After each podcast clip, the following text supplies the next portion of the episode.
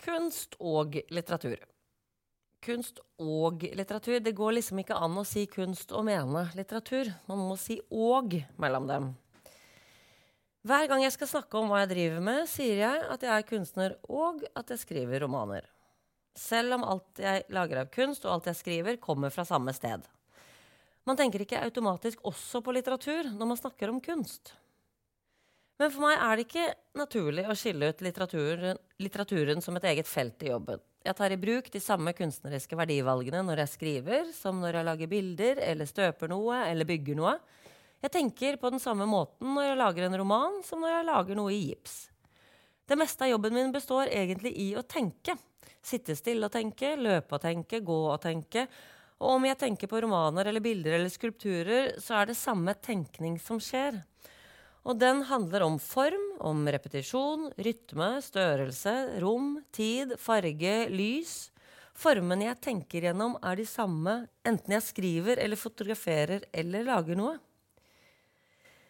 Men å innlemme litteratur som en naturlig del av kunstbegrepet er kanskje ikke noe mål i seg selv.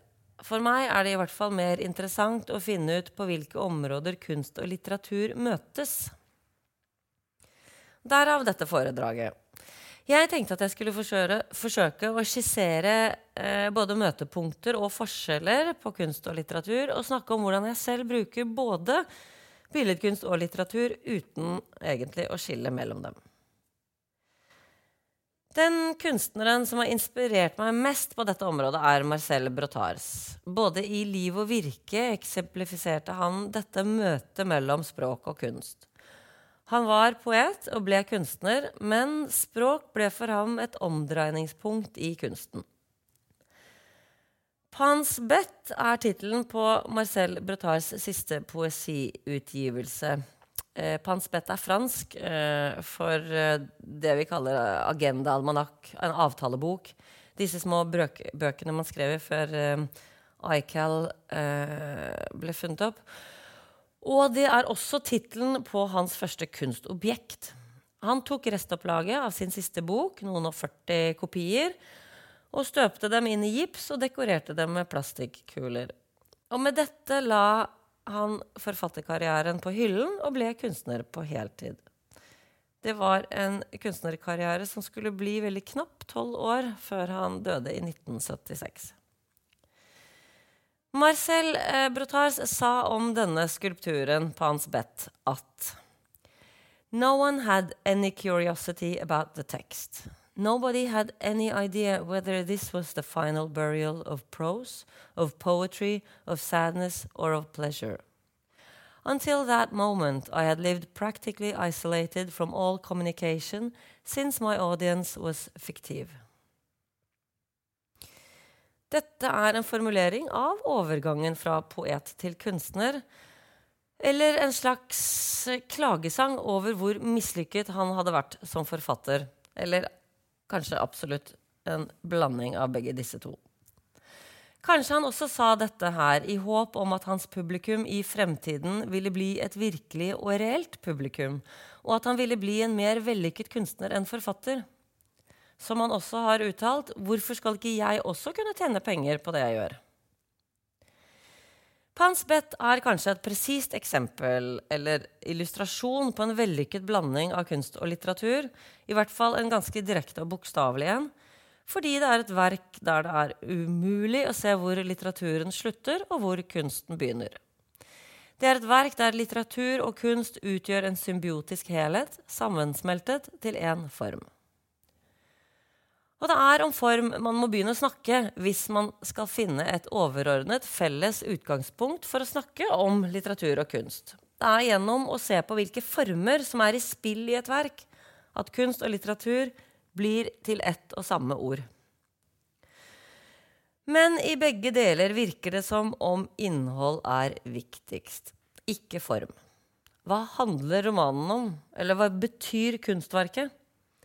Innhold er oftest det første man leter etter i et verk. Formale spørsmål er som oftest sekundære. Meningen med et kunstverk, innhold, hva handler romanene dine om? Jeg har store problemer når jeg må svare på dette. Ikke fordi jeg er imot betydning eller innhold. Hvordan kan man være imot innhold? Jeg er bare ikke opptatt av innhold som et mål i seg selv. Jeg er ikke opptatt av å skulle informere om noe, fortelle noe, formidle en historie eller overlevere mening. Jeg skriver ikke for å formidle essens eller sannhet av noe slag, og jeg lager ikke kunst for å lære bort noe eller peke på noe. Men ok, hva vil jeg da med skrivingen? Hvorfor skriver jeg? Hvorfor er jeg kunstner? Så jeg forsøker alltid å svare slik at det virker som om jeg har ment noe, som om jeg har et budskap, selv om jeg altså aldri har forsøkt å formidle et. Jeg er mest av alt interessert i å få materialene jeg jobber med, til å fungere som form. I å få form til å fungere sammen med andre former. Fordi jeg tror at former som resultater av de mulighetene og begrensningene som ligger i materialene, enten jeg jobber med språk, fotografi, maleri, gips, bronse, film, kan gi mening i seg selv. Og jeg tror at innholdet som gir seg selv av former i spill, er mer interessant enn det innholdet vi tolker inn i verket. Det vi gjerne vil at verket skal handle om. Jeg laget en egen versjon av Pans Bet med restopplaget på 537 bøker av min debutroman 'Beijing Duck' fra 2012. Det er betong og bok sammen. To materialer. Det er et krasj eller en fusjon eller en slags overlapping jeg vet liksom aldri helt hva jeg skal svare når jeg blir spurt om hva jeg har villet med det, men jeg vet liksom ikke helt hva som er det overordnede betydningen. Hva jeg har ment. Så jeg svarer som regel at jeg ville lage min egen versjon av Pans Bet. For å lene meg på eventuelt det andre har tolket inn i Brutar sitt verk. Eller jeg svarer at jeg ville tømme forlaget mitt for bøkene før de blir dumpet på mammutsalg. Motivasjonen for å gjøre dette verket var først og fremst formal. Jeg ville se bøkene mine som skulptur. Alle sammen. Restene av romanen min. Jo mer jeg tenker på det jeg gjør, skrive og lage kunst, jo mer ser jeg at det hele koker ned til nettopp et spørsmål om form. Og at spørsmålet om hvilke former som settes i spill gjennom et verk, er grunnen til at jeg gjør det jeg gjør. Jeg vil se hvordan det ser ut. Men å være opptatt av form høres helt avleggs ut. Det høres ut som om jeg sitter fast i noe strukturalistisk, modernistisk tankegods fra forrige århundre. Og dette er jo en modernistisk tilnærmingsmetode man forlot til fordel for innhold og mening, kontekst og historie. Formalisme er ut. Når man i dag betegner noe som formdrevet, i motsetning til innholdsdrevet, er det alltid ment negativt, fordi man egentlig har lyst til å si at det du gjør, handler jo ikke om noe. Som kunstner eller forfatter er man jo selvfølgelig formbevisst, stort sett, men form og innhold virker som om de lever i en lykkelig harmoni. Men vi vil jo egentlig fremdeles ha innholdet først og formen etterpå. Jeg mener at et tradisjonelt og reaksjonært skille mellom form og innhold lever i beste velgående i dag. Det er ingen lykkelig harmoni. Og spesielt tydelig syns jeg dette her er i litteraturen. Formdrevet litteratur er et tilbakelagt stadium, og vi vil ha meningen med en roman. Svaret på hvorfor den er skrevet. Og hvis vi ikke finner mening i det vi leser, er det fremdeles ansett som en mangel ved teksten, og ikke en mangel ved leseren. Men hva er egentlig innholdet i en roman? Er innholdet fortellingen forfatteren har funnet på? Er det en overlevering av kloke tanker tenkt av en forfatter som er mer innsiktsfull enn leseren? Er innhold noe man ikke visste fra før, men som man nå har blitt lært opp i? Eller kanskje det er å se sammenhenger man ikke har sett før, og som forfatteren formulerer for oss? Eller kanskje innhold er å formidle en individuell og selvopplevd hendelse med allmenngyldig nedslagsfelt. Samtidskunsten har kanskje kommet lenger enn litteraturen. Den har i hvert fall sprengt flere rammer for hva den kan avkreves av innhold og mening og svar. Kunstnere virker friere enn forfattere. Vi kan opptre som idioter, tullinger uten mål og mening. Og vi har ikke det samme ansvaret for å måtte formulere noe om noe som helst, fordi det i seg selv også gir mening. Gesten gir mening. Holdning gir mening. Det er innhold også å ikke levere innhold. Men det bekrefter jo bare at man egentlig vil frem til spørsmålet om hva et verk handler om. Handler det om noe, eller er det bare form? Bottom line kunst må rettferdiggjøre seg selv gjennom sitt innhold. Det er ikke nok at den bare er. Men hvis jeg altså hadde visst hva jeg ville at et verk skulle formidle før jeg laget det, hvis jeg visste hvordan det kom til å se ut, eller hva jeg kom til å skrive, så hadde jeg jo ikke trengt å gjøre det. Jeg skriver for å se hva det blir til, jeg lager kunst for å se hvordan det kommer til å se ut. Jeg kommer ikke nærmere et svar enn det. Jeg er ikke formalist, men jeg er heller ikke opptatt av innhold. Og om jeg er opptatt av innhold eller form, er egentlig uvesentlig. Å lage et verk å forme språk eller andre materialer innenfor kunstneriske eller sosiale kontekster, som offentlige uttrykk, kommersielle eller idealistiske, er en kunstnerisk handling, og en kunstnerisk handling resulterer i form. Kunst er form. Men hva er egentlig form, da? Det høres ut som om det kan romme alt. Kunst kan jo romme alt. Greit. Man vet at en form er noe som en ting har, og som ting er. Form er en kvalitet ved gjenstander. Kopp, stol, skulptur osv. Alt har en form, og alt dette er opplagt. Men former er også abstrakte. De kan også forstås som abstrakte organiserende prinsipper. Former for kommunikasjon, former for organisering, former for liv. Altså som et organiserende prinsipp. Form kan forstås overordnet som noe som ordner noe annet i et system. Og hvis formbegrepet kan forstås så bredt, blir det ganske interessant å snu det hierarkiske forholdet mellom form og innhold på hodet. En slik utvidet formalisme blir ikke streng og ekskluderende, men derimot åpen og inkluderende, både estetisk og sosialt. Man kan liksom åpne verket opp istedenfor å lukke det rundt noen strukturalistiske, fastlåste prinsipper. Hvilke former setter dette verket i spill?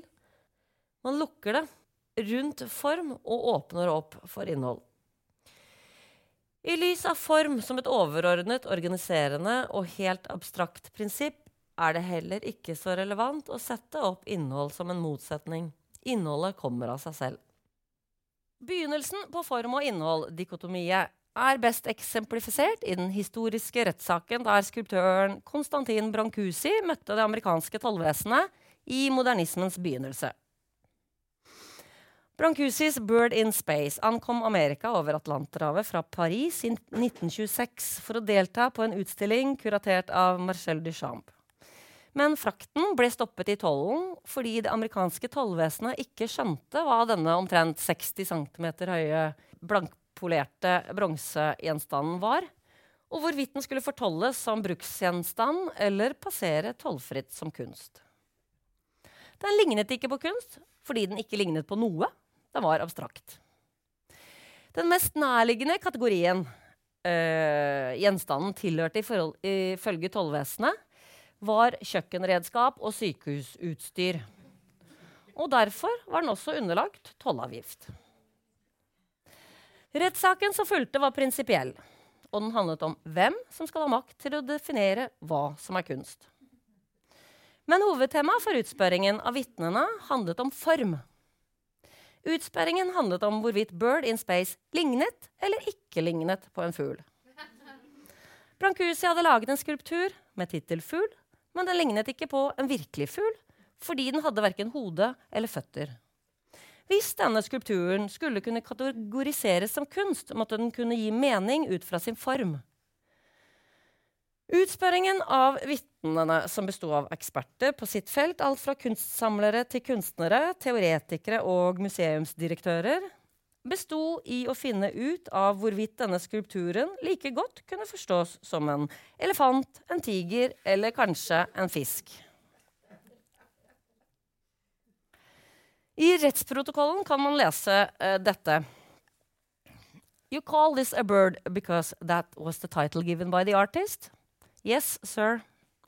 If he had given it another title, you would call it by the title he gave? Certainly.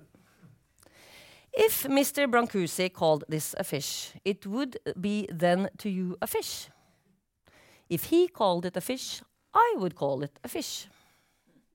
You call this a bird because that was the title given by the artist? Yes. If he had given it another title, would you call it by the title he gave? Yes. So, insofar as your artistic training is concerned and your experience, Exhibit 1 is not a bird, in fact. No, it is not a bird. Susan Sontag beskriver i sitt essay 'Against Interpretation' fra 1966 form og innhold som et hierarkisk forhold. Innholdet er kunstens essens, og formen er bare et slags biprodukt. Vi bedømmer et kunstverk etter hvordan vi tolker det. Denne vurderingen av form som underordnet innhold er et direkte resultat av at kunsten har måttet stå til rette overfor virkeligheten. Det virker relevant også i dag, på en måte. Er det ikke slik vi fremdeles møter et kunstverk? Er vi ikke fremdeles opptatt av hva det kan si oss, av hva vi kan lære av det? Og hva vi kan trekke ut av mening som vi kan bli klokere mennesker av? Sontag mener at innholdet, at meningen vi trekker ut av et verk gjennom å tolke det, går på bekostning av verket selv.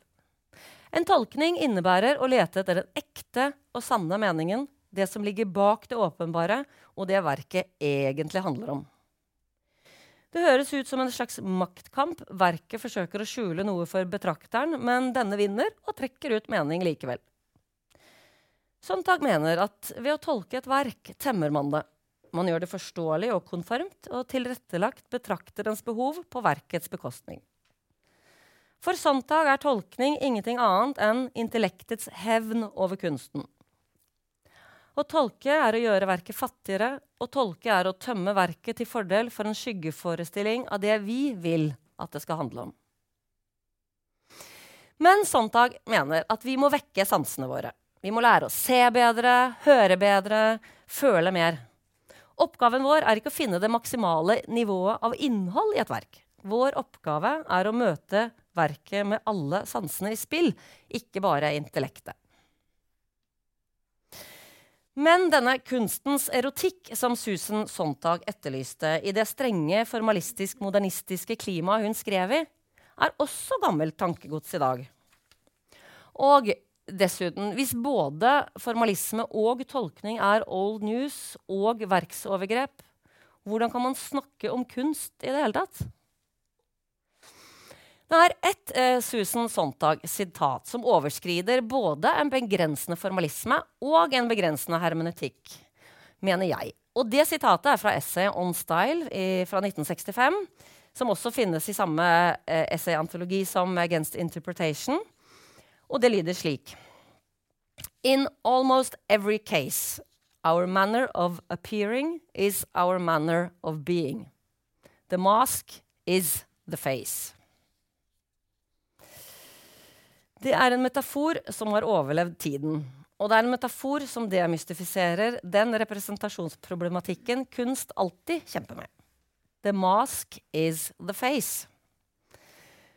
Måten verket fremstår, oss, fremstår for oss på, er verket. Det finnes ikke noe bak masken. Gesten, formen, det du ser på, er innhold. Form er innhold. The mask is the face. Det er så deilig å si den setningen. Jeg kunne bare stått og sagt den med mantra. The mask is the face. Det handler ikke om hvordan vi tolker, men hvordan vi ser. Det finnes ikke noe som er skjult for oss. Intensjon, historie og biografi er ikke kvaliteter ved verket selv. Kanskje må man også vekke opp Roland Barth og erklære forfatteren død på nytt for å kunne se verket på dets egne premisser. Det er så mange dumme tolkninger, så mange dårlig formulerte kunstneriske og litterære intensjoner at en revitalisert formalisme kan tjene til å skjule idioten bak et godt verk. Kanskje et fokus på form kan brukes på kunst for å finne ut hva som kommuniseres uavhengig av kunstneren. Innholdsdrevne verk, politiske verk, instrumentelle verk med politiske og sosiale intensjoner. Et fokus på verket og en forståelse av de formene det setter i spill, kan kanskje gjøre verket interessant også for andre enn meningsfeller. Kanskje et fokus på form kan være en måte å lese samtidslitteratur som estetikk og ikke vitnesbyrd. Kanskje det kan være en metode til å forstå innhold som noe annet enn et verktøy for identifikasjon. Kanskje et fokus på form kan brukes til å avlese hvordan som et svar på var, hva og hvorfor. For å overprøve tradisjonelle kriterier for smaks- og tolkningsdommer. Og kanskje et fokus på form kan brukes på den kunsten som sirkulerer i det kommersielle kretsløpet, og som i turbofart sørger for at nettverk forsterkes. Kanskje formalisme kan brukes på den kunsten som sørger for at kapital følger forventede strømmer, og som ser ut som om den bare vedlikeholder kommersielle investeringsbehov. Kan hende at det som i nyere tid har blitt betegnet som en overfladisk zombieaktivitet, gjennom en formalistisk analyse kan forstås subversivt. Kanskje det nettopp er i den markedsorienterte kunsten vi kan lokalisere helt andre former i spill enn estetiske. Kanskje vi kan avlese sosiale, politiske, hierarkiske og nettverksbaserte former i kollisjoner som bringer oss videre. Bringer oss forbi de kunstneriske intensjonene man ikke tiltror mer dybde enn den til en selger. Og uansett hvis vi ikke lenger forsøker å se bak verket for å mistenkeliggjøre kunstneriske intensjoner, så kommer vi kanskje til å se noe annet, noe nytt. Noe med en overføringsverdi vi ikke hadde sett hvis vi forsøker å trekke ut mening. Verket sett som et spill med samfunnet som et resultat av alle mulige former i tiden, kan kanskje føre til nye måter å møte kunst på, i tillegg til å eventuelt avdekke det som bare er platt og dårlig tenkt. Formalisme er jo i bunn og grunn en måte å posisjonere, posisjonere betrakter på i forhold til verket. Istedenfor gå rundt og bak for å avdekke en skjult mening eller lete etter ansiktet bak masken, så krever en formalisme at man må stå foran verket med sansene i kognitiv operasjon mens man spør seg selv hva er det jeg ser på?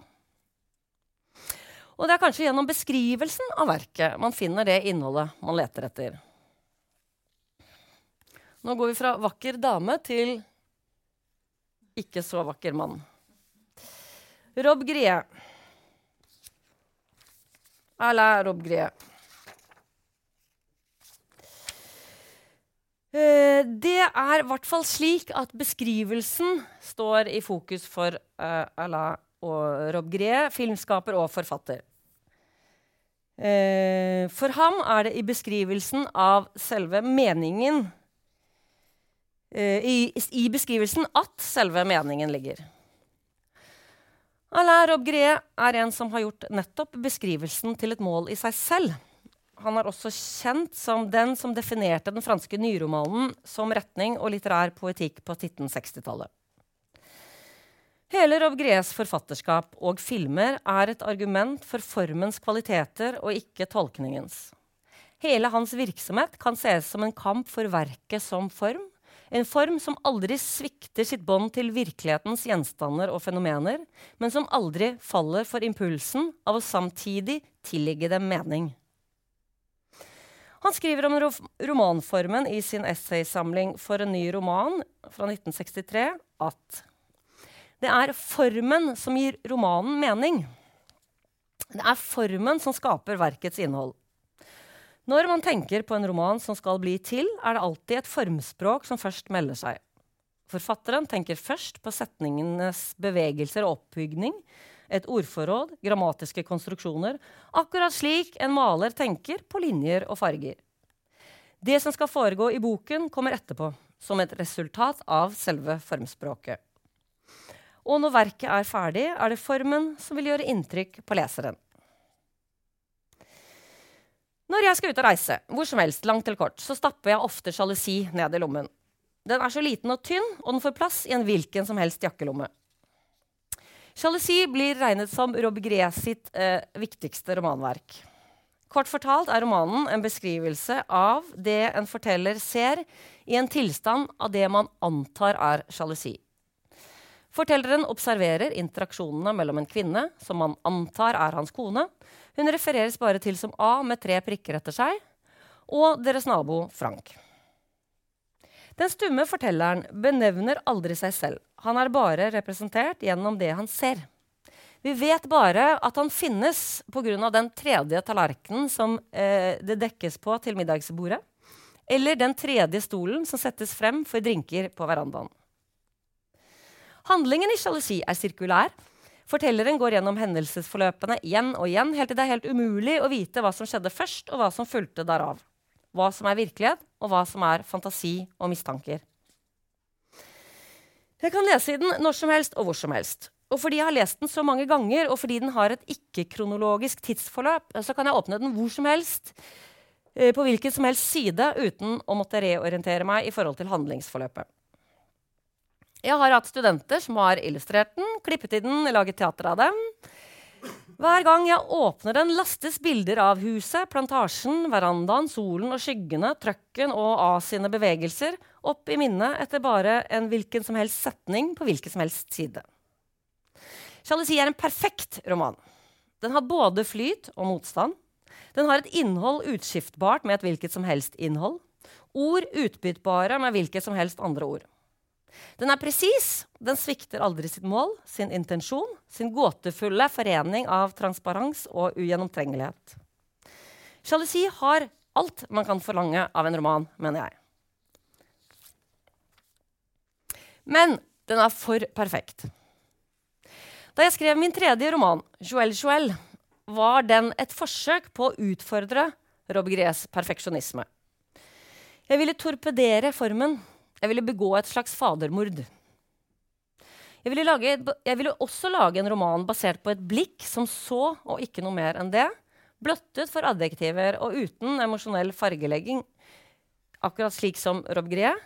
Men jeg ville også torpedere dette fortettede og ugjennomtrengelige universet. Jeg ville at katten i Joel Joel skulle være like metaforisk potent som tusenbeinet i sjalusi, og at fuglen, skogen, oppvaskmaskinen, pickupen og verandaen skulle være like utbyttbare som bananplantasjen, Rob veranda, solens skygge av sine kjoler og sandaler.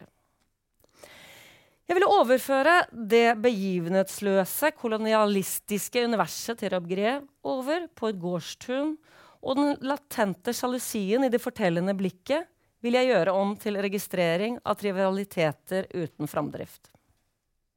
Jeg ville lage et sirkulært tidsforløp, slik som tiden heller ikke avslutter noe som helst hos Rob Grie. Men jeg ville ikke at Joel Joel skulle anspore til tolkning. Jeg ville se om det var mulig at hun forble bare et blikk. Et tomt blikk. For det er umulig å la være å lese inn desperasjon i Rob Grie, i sjalusi. Han feiga ut i sitt eget prosjekt. Det er umulig å ikke tolke inn beskrivelsene, tolke beskrivelsene av hendene til A, håret hennes, huden hennes, skoene, kjolene. Det er umulig å ikke lese inn følelser og mentale tilstander i skyggene fra solens gang forbi verandaen, i tusenbenets sirkulære tilstedeværelse eller det forunderlige og meningstomme rommet som oppstår i den nøkterne beskrivelsen av bananplantasjen. Og det er umulig å la være å forklare de nitidige beskrivelsene som uro, over mistanken om at A er utro med Frank, selv om det aldri antydes. Jeg ville torpedere denne strenge minimalismen. Derfor la jeg inn en transkribert versjon av musikkvideoen til Sound of Music med en katt i hovedrollen. Joelle van Dyne, den ansiktsløse kvinnen i David Foster Wallace' 'Infinite Jest', ga romanen min tittel. Flyktningekrisen i Middelhavet ble transportetappe for en biltur gjennom skogen, og bilen ble til en synkende båt med druknende mennesker.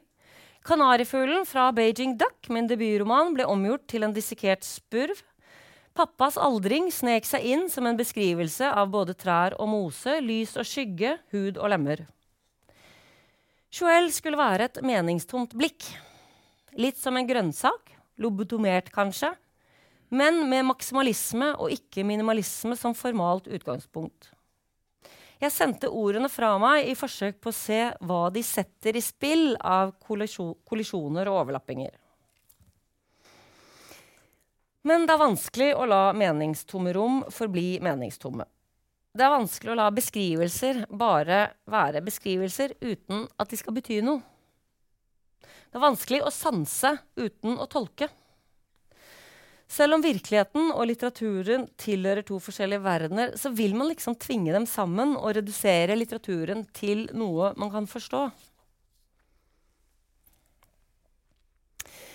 Beckett er en annen kunstner som har bedrevet litterære beskrivelser for å jage mening og tolkning, og kanskje like godt leseren på flukt. Samuel Beckett, forfatter, dramatiker og filmskaper. Men hans beskrivelser ligner mindre, mindre på virkeligheten enn Robegret sine. Beckett er en kunstner som mest av alt beskriver menneskelig bevissthet. Bevissthet som et slags nullpunkt. Han ble først og fremst kjent da han brøt gjennom som dramatiker med stykket 'Mens vi venter på Godot'. Men det er først og fremst og romanene og prosaen hans som representerer kjernen av det som man kan kalle det beckettianske. Og det beketianske kan kort summert beskrives som et iherdig forsøk på å kutte forbindelsen mellom språk og verden. Men jeg fatter ikke hvorfor Beckets skjøre dramaer, med bevisstheter ribbet ned til skinnet av ren essens, ofte avkuttet både kropp og bevegelse. Hans avsindige fortellinger som tømmer verden, mennesket og våre forestillinger om innhold. Hvorfor det inviterer til tolkninger. Hvorfor det trenger tolkninger. Hvorfor er ikke Beckets univers nok i seg selv? Nok nettopp som beskrivelser, som utfordring for vår forestillingsevne.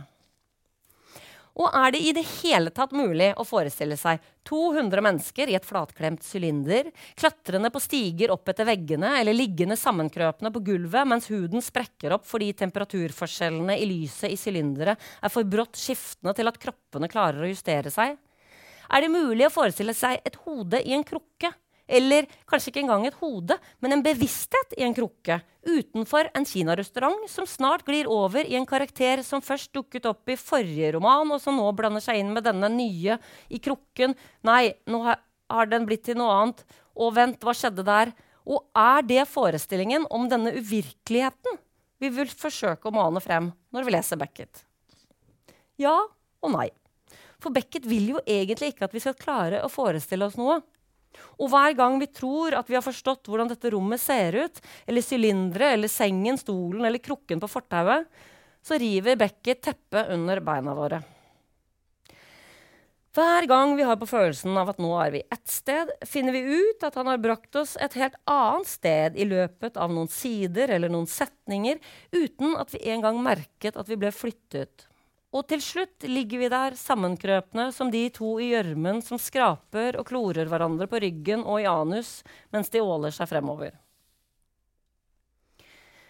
Fantasien vår blir stilt mot veggen gjennom Beckets tekster. Mest eksplisitt når han med 'Imagine Dead Imagine' fra 1965 laget et selvdestruerende bilde på den døende forestillingsevne i paradoksal bevissthet om sin egen tilintetgjørelse.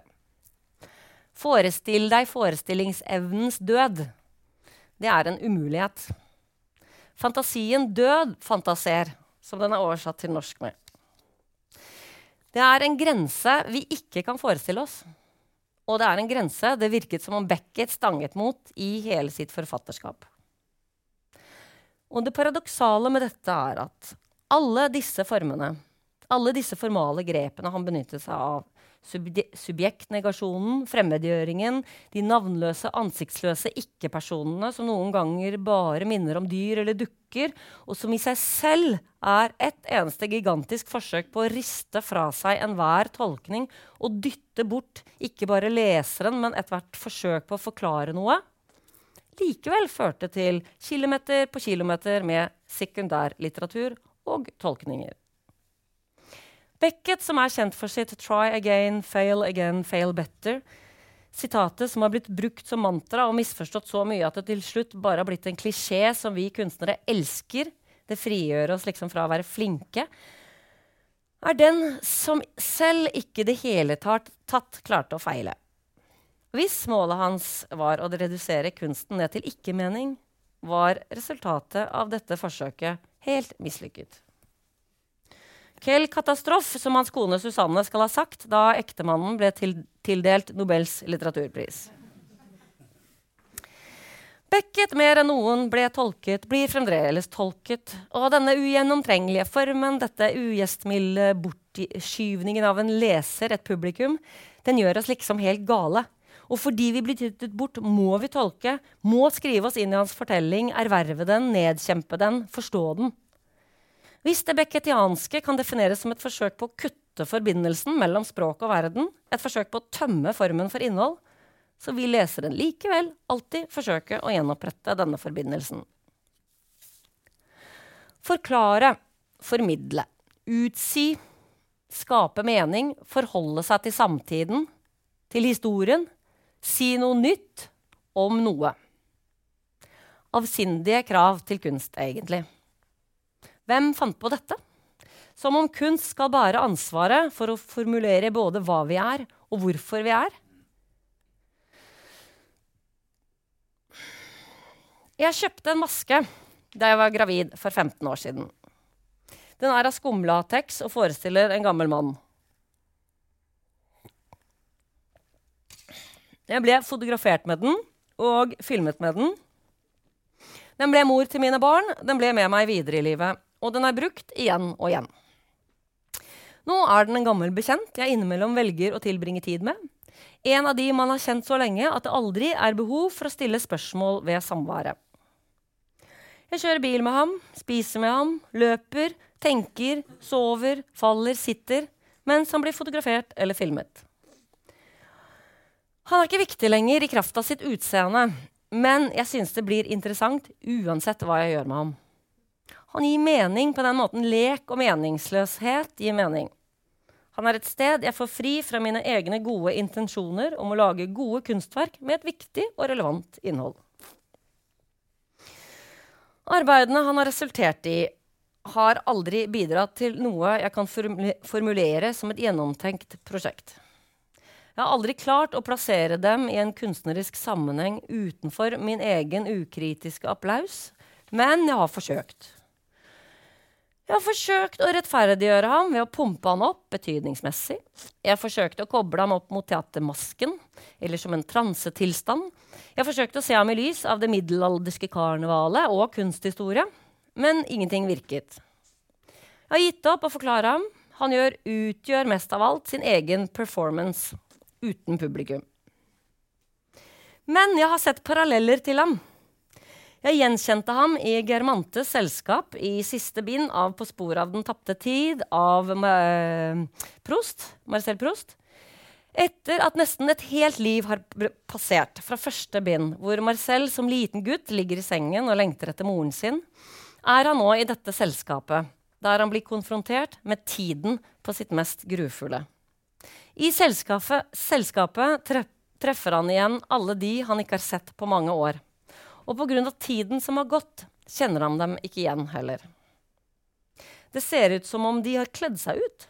Som om de har tatt på seg hvite pudderparykker, utstyrt seg med løsbarter og sminket seg heslige, mens de sleper blylodd etter føttene. Det går mange sider før sannheten demrer for ham. Alle disse gamle bekjente har blitt gamle, og dette er slik tiden ser ut. Det går enda noen sider før Marcel forstår at dette også gjelder ham. At tiden også har gjort dette med hans eget ansikt og hans egen kropp. Og i øynene til de andre avleser han plutselig den samme forskrekkelsen over sitt eget forfall, lik den som nå må skinne ut av hans egne øyne. Jeg kunne helt klart se for meg Old Man der i selskapet til Germantes i min fars dress, pustende og pesende inn i masken med mitt eget blikk stikkende ut av skumlateksen. En annen gang jeg gjenkjente ham, var i Beijing Duck, som, hvor jeg lenge etterpå oppdaget at jeg jo hadde skrevet om ham. Og dette skrev jeg. Hva er dette? Det henger over øynene. Er det øyelokk? Jeg klarer ikke å åpne dem. Når ble de så tunge?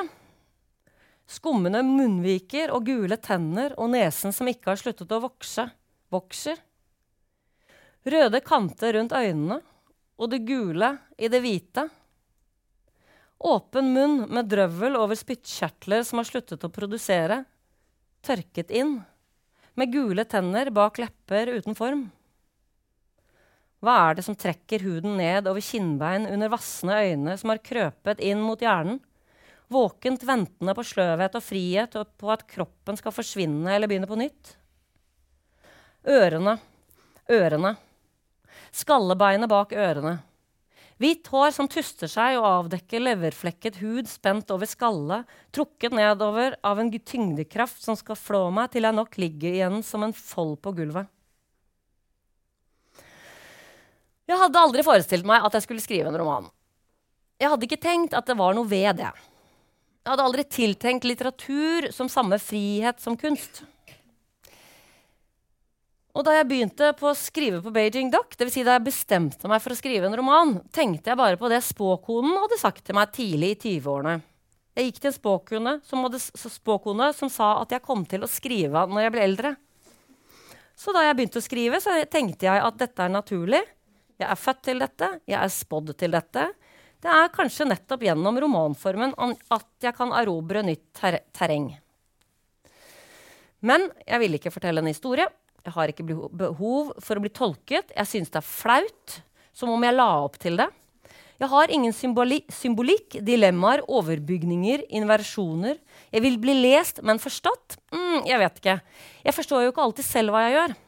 Jeg er mer interessert i kunst som en måte å tenke på enn som et svar på noe. Betyr det at jeg bekjenner meg til de som driver med kunst for kunstens skyld? Jeg vil jo ikke det heller. Jeg vil jo ikke være en av dem. Men det ble klart for meg mens jeg skrev Beijing Duck, at jeg heller ikke vil bidra til en diskurs eller bli tatt til inntekt for en retning, en tro eller en overbevisning. Jeg vil ikke, eller jeg foretrekker ikke Foretrekker å ikke skrive en roman som tilsvarer noens forventninger. Jeg ville skrive en roman, en som bare hadde sin egen tilblivelsesprosess som mål. Jeg har sluttet å forsøke å finne ut hva Oldman egentlig handler om. Han er ikke noe. Han er eh, bare er. Han blir til de handlingene jeg gjør med ham. Han er ikke en versjon av meg, men han er mer enn et kostyme. Han har kanskje en vei ut av noe, eller inn i noe. Ikke så mye en flukt som en oversettelse av noe. Han er et slags svar på noe som ikke egentlig er et spørsmål. Jeg burde sikkert kalle ham for Masken, eller Den, men det er naturlig å kalle ham for Han. Han har også etter hvert en kropp og en historie. Men skumlateks tåler verken lys eller luft, ikke fett, ikke fukt, og over tid formitrer materialet. Fingersfett, svette, spytt, bevegelser Jeg er en trussel mot hans eksistens. Jeg, som er hans bankende hjerte, hans kropp og den som gir ham liv, kommer også til å forårsake hans død. Nå har han rifter i halsen og på kinnene, og gaffateipen på innsiden synes der nesetippen har smuldret opp. Han har mistet mulighetene til å illudere virkeligheten. Nå ser han for alltid ut som en maske, en artefakt, en rekvisitt. Han er redusert til et objekt. Han er fjernere fra meg enn før, men nærmere også på en merkelig måte, og ikke så rent lite analogisk til livet selv. Det kunne ha føltes som en lettelse. Exit Old Man kom deg videre, men det var for tidlig. Old Man var ikke ferdig uttømt, og jeg begynte å lete etter erstatninger. Jeg søkte etter ham over noen år, men uten hell. På nettsteder, lateksprodusenter og lekebutikker og kostymelagere. Jeg hadde gitt opp håpet, sikker på at han hadde gått ut av produksjon, da jeg fant ham på nettsiden til en halloweenbutikk på Vennesla. De svarte med beklagelse at han hadde gått ut av sortimentet, men de kunne koble meg videre. Og distansen fra Vennesla via Spy Shop i Houston og et filmselskap på vestkysten var ikke lenger enn tre e-poster, og så hadde jeg lokalisert Old Man i Tsjekkia under pseudonymet Professor Howard. Nå kan jeg bestille så mange versjoner av ham jeg bare vil. Han har en urform. Jeg kan lage middagsselskaper, svømmekonkurranser, jeg kan fylle en scene, jeg kan lage en hel hær. Old Man, eller altså Professor Howard, har evig liv. Da han kom i posten, hadde jeg forventet at det skulle være som å se igjen en gammel slektning eller en nær venn, men det var ikke sånn. Istedenfor var det som å se igjen en venn som en gang hadde vært nær, men som, fordi han nå var ny, blank i kinnene og luktet av fersk lateks, var en fremmed. En tsjekkisk onkel jeg ikke visste om. Glansen i huden, friskheten i kinnene og den svake rødligheten i leppene. De tomme, svarte øynene som ikke lenger hadde minne og mine i seg. Han var en fremmed. Originalen har jeg pakket ned i en lufttett boks. Kanskje en dag når teknologien har kommet lengre, vil han kunne gjenopplives fordi menneskene har lært seg hvordan lateks skal bevares for evig. Det er lenge siden jeg var gravid. Så lenge siden at det er mange detaljer fra denne deformasjonen jeg ikke kan forestille meg lenger. Men jeg husker følelsen i knærne da jeg gikk opp og ned trappene i oppgangen der jeg bor. Verkingen, lårmusklene som tok av det de kunne for vekten av magen, og at knærne måtte gjøre mesteparten av jobben. Jeg husker hvordan huden føltes, at den strakk seg så langt som det var mulig å strekke hud uten at den sprakk, over magen, hele veien fra mellom brystene, over navlen og ned til buken. Strakk så mye at jeg ikke turte å gå for fort fordi jeg var redd for at den skulle revne og at magen skulle falle av.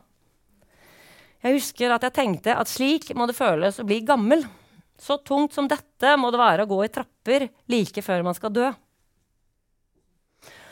Og når jeg ser på de gamle bildene av meg med masken da jeg var gravid, kan jeg kjenne gravitasjonen i knærne og den hengende magen.